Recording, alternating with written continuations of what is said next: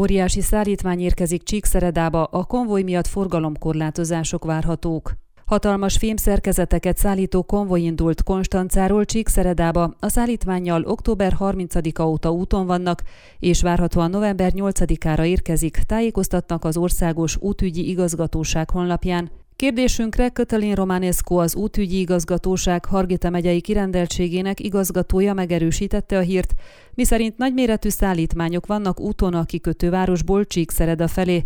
A Csenneáír megyei igazgatójának információi szerint a konvoj várhatóan már szombaton megérkezik.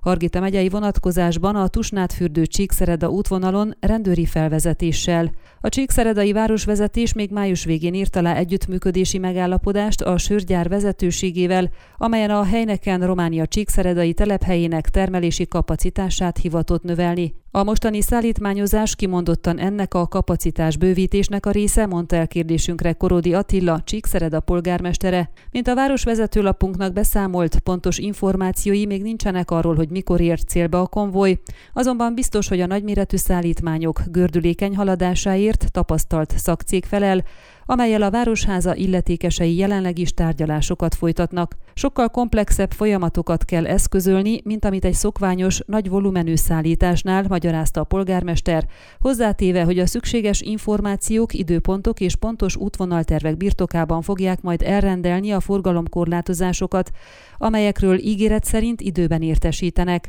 A helyneken Románia egyébként még szeptemberben osztott meg egy közleményt hivatalos weboldalán, miszerint 2023. szeptemberéig felszámolják a Konstancán alul teljesítő üzemüket, a gyártási tevékenység egy részét pedig áthelyezik a másik három romániai városban, Krajován, Csíkszeredában és Nyárátön működő helyneken gyárba. Hogy a Csíkszeredába érkező tartályok és az itt kezdődő termelési kapacitás növelés összefügge a konstancai bezárással, arra a polgármester nem tudott választ adni.